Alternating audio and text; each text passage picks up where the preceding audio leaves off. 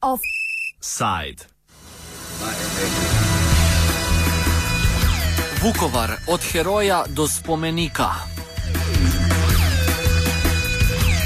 Hrvaško obmejno mesto Vukovar obeležuje 22. obletnico paca mesta v srpske roke. Sile Jugoslovanske ljudske armade, zveste veliko srpskim načrtom vodstva v Beogradu, so ob sodelovanju srpskih paravojaških enot pred 22 leti po večmesečnem obleganju in žilavem odporu hrvaških sil uspele ukorakati v mesto in ga zauzeti. Vsakoletno spominjanje na padec mesta Heroj, kakor so Vukovar zaradi mnogih žrtev poimenovali po vojni, pa je bilo letos posebej naelektreno. V mestu namreč zaradi odločitve vlade, da spoštuje odločitev Hrvaškega ustavnega sodišča in spostavitvijo dvojezičnih ciriličnih napisov, izpolni zahteve manjšinskega zakona. Že več mesec potekajo srditi protesti, ki so po pričakovanjih vrh dosegli prav na današnji dan spomina na Vukovar. Branitelji, nacionalisti in drugi pripadniki raznih desničarskih organizacij zbranih v odboru za obrambo Hrvaškega Vukovarja so blokirali mesto in Hrvaškemu državnemu vrhu s premijejem Zoranom Milova, Milanovičem in hrvaškim predsednikom Ivom Josipovičem na čelu preprečili udeležbo na slovesnosti. Te se je udeležil tudi predstavnik Srpskega demokratskega foruma, ki si že od začetka 90-ih zauzema za mirno sobivanje hrvaške in srpske skupnosti na Hrvaškem, Veljko Džakula, ki, potek, ki poteze odbora ne razume.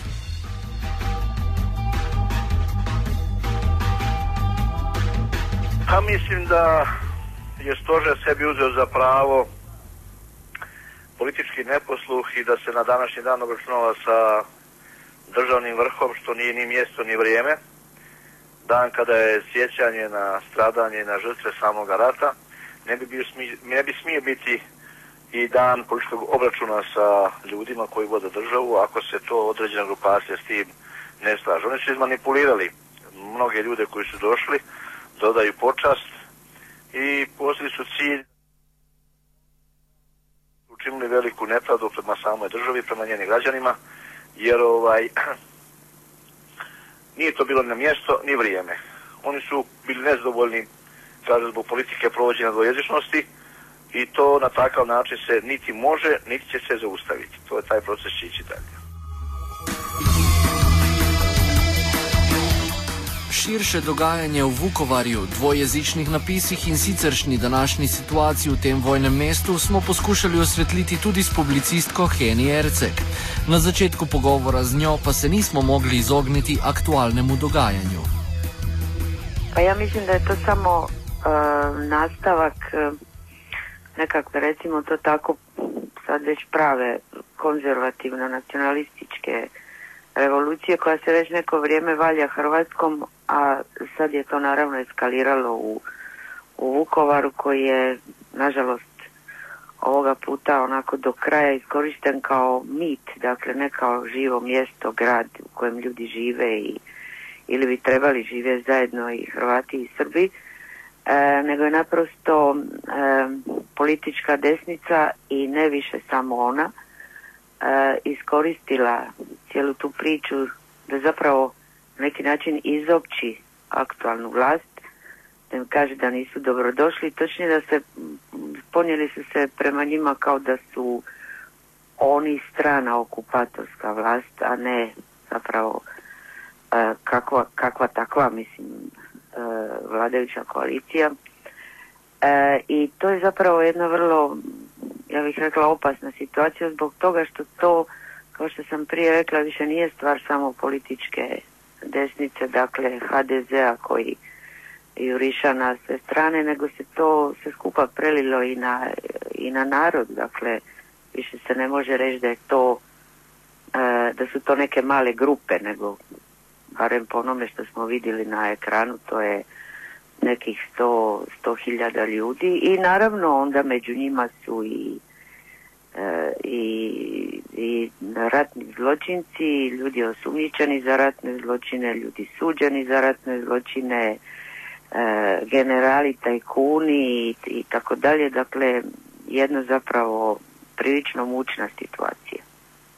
E, dobro, ali nešto ovako je bilo vjerojatno za očekivati, pošto ovi prosvjedi protiv čiličnih natpisa traju već, ne znam, 3-4 mjeseca. Tako je. Naravno da je bilo za očekivati i to je priča je to tim gora, jer e, ta stvar je bila za očekivati između ostaloga ne, ne samo zbog Čirilice i zbog skidanja ploča, ne zbog, nego i zbog e, tog referenduma najavljenog za prvi, e, za prvi prosinca o kojemu bi trebalo odlučiti, dakle odlučit će se sigurno da brak kao zajednica muškarca i žene uđe u ustav. E, to je priča koju je potpisalo 700 tisuća Hrvata, dakle nije nikako benigna i ne, ne radi se samo o nekim sitnim grupama. I ona je na neki način bila i uvod tu u taj zapravo jedan, jedan putevići oblik fašizma, budući da se na taj način otvoreno diskriminiraju ne samo gej populacija, nego i samohrane majke, izvanbračni, izvanbračne zajednice i tako dalje.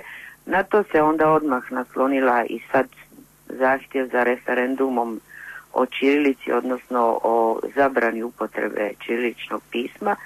I onda je došlo i, i ova sad e, korištenje tog datuma koji je Vukovara da se da se zapravo pokaže na neki način ko je tu gazda, dok s druge strane ne bih ja baš amnestirala ni ovu, ovu vladajuću koaliciju zbog toga što su oni zaista imali dovoljno vremena i dovoljno naznaka e, da se vidi kud to sve skupa ide i da na neki način reagiraju, da barem ona, ona neki drugi dio e, te uvjetno rečeno bolje Hrvatske ako, ako još uvijek postoji da ga da objasne stvari, da se, da, da mislim da na bilo koji način pokušaju to sve skupa zaustaviti, što naravno niko, niko od njih to nije napravio. Oni su zapravo jedna vrlo zbunjena ekipa i prilično, ja bih rekla, e, kalkulantska ekipa koja, e, koja ide onom e,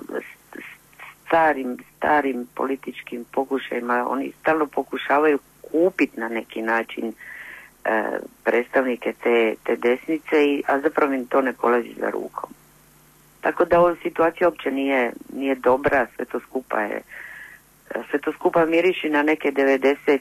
s tim jednim paradoksalnom činjenicom da je Hrvatska u međuvremenu ušla u Europsku uniju i tu kao da su sve e, kočnice se ovaj otkačile zbog toga jer više, više niko izvani ne diktira nijednoj vladi morate poštivati manjine, morate poštivati e, e, ove drugčije, drugčije skupine građana i tako dalje. I sad kad smo prepušteni sami sebi, sad zapravo je izašlo vani sve ono što je na neki način bilo pritajno, a to nikako nije dobro. Bi se moglo reći da je iz ugla ovog, ovih prosvjeda se mogu reći da je vlada možda reagirala preravno sa, sa tim e, postavljanjem e, dvojezičnih natpisa ili možda sa drugog ugla nije napravila dosta da bi ljudima predočila da to namještanje e, natpisa e, naloži Ustavni sud i da je to u biti poštovanje ljudskih, ljudskih prava.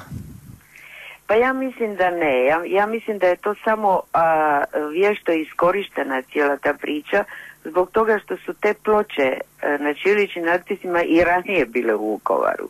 Dakle, nije, nije to ništa novo, to je samo e, detalj koji je vješto iskorišten od strane e, Hrvatske demokratske zajednice, pa onda i tih i tih, e, tih, tih, tih, kako se kaže, tobožnih stožeraša i tih bivše vojske i tako dalje. Mislim da je to zapravo bio samo povod na kojem sa kojeg se onda e, pokušalo cijela ta priča isprovocirati i, i, i govoriti o nekakvoj ugroženosti i tako dalje. Naravno da oni, uglavnom ta vlada radi e, radi stvari ko, ko slon u, u, u staklani, ali ja ne, ne, ne mislim da su tu trebala neka dodatna obrazloženja, jer kažem takvih takvih čiličnih ploča postoji po čitavoj Hrvatskoj već ne znam koliko godina, pa niko nije reagirao do tog određenog trenutka.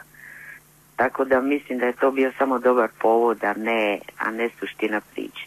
Suština priče je da, da su naprosto ta desnica je ojačala ni kriva ni dužna, Vla, vlada je ovaj, naprosto to svojim ponašanjem u mnogo čemu je omogućila, ali govori i o činjenici da je je to jedan prilično i dalje zapušten narod, jer treba ipak uzeti obzir da je od tog rata prošlo 23 godine, pa tako i od Vukovara.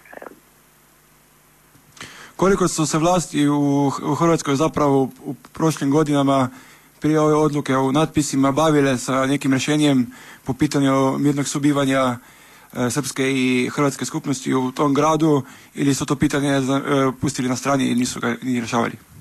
Nisu se bavile.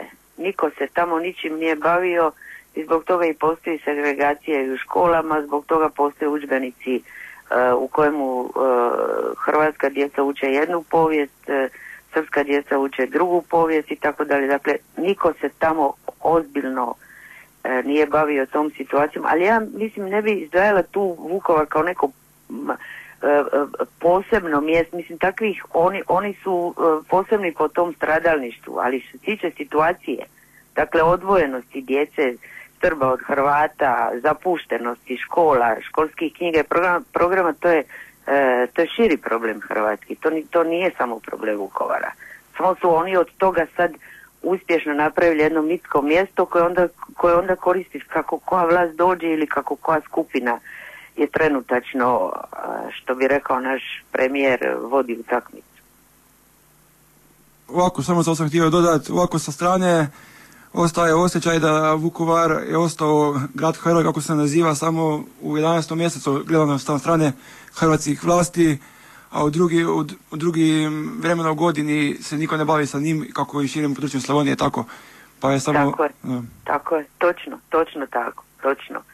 To se, to je, e, mislim, nije, nije pitanje samo ekonomske krize, nego uopće krize, krize u svim segmentima društva i onda naravno on, je, on se povr, vremenom pretvorio u nekakav spomenik kojega se oni sjete tog 18.11. kad treba izmanipulirati e, bez obzira sad u pravilu je to desna politička opcija što oni uglavnom i bili na vlasti i, i to, to, to je naprosto tako. Ostatak godine niti ko zna da to tamo postoji niti je koga briga niti se tu nešto e, događa u, u proizvodnji u privredi i tako dalje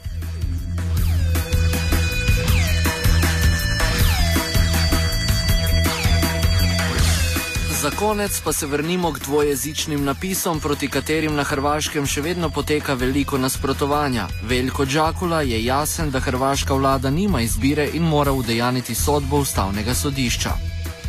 Pa vlada je obavezna da provodi zakone koje je donio sabor. Ona je, to je njena dužnost. Jedino što ovaj, ti desničari su sebi uzeli za pravo da to zaustave, da to ne dozvole mi smo svjesni da će se to provesti danas ili za nedjelju dana ili za koji mjesec, ali kogod da bude vlada u Hrvatskom, taj proces mora da provede, odnosno da provede dvojezičnost svagdje gdje je zato predviđeno zakonom i gdje su zato uh, donešeni uslovi. Oni ne mogu to zaustaviti, to je samo njihova galama, dreka i vika da skene na pažnju da su bitan faktor, oni nisu bitan faktor i građani će veoma brzo pokazati i na sljedećim izborima da su to procesi koji se moraju provesti.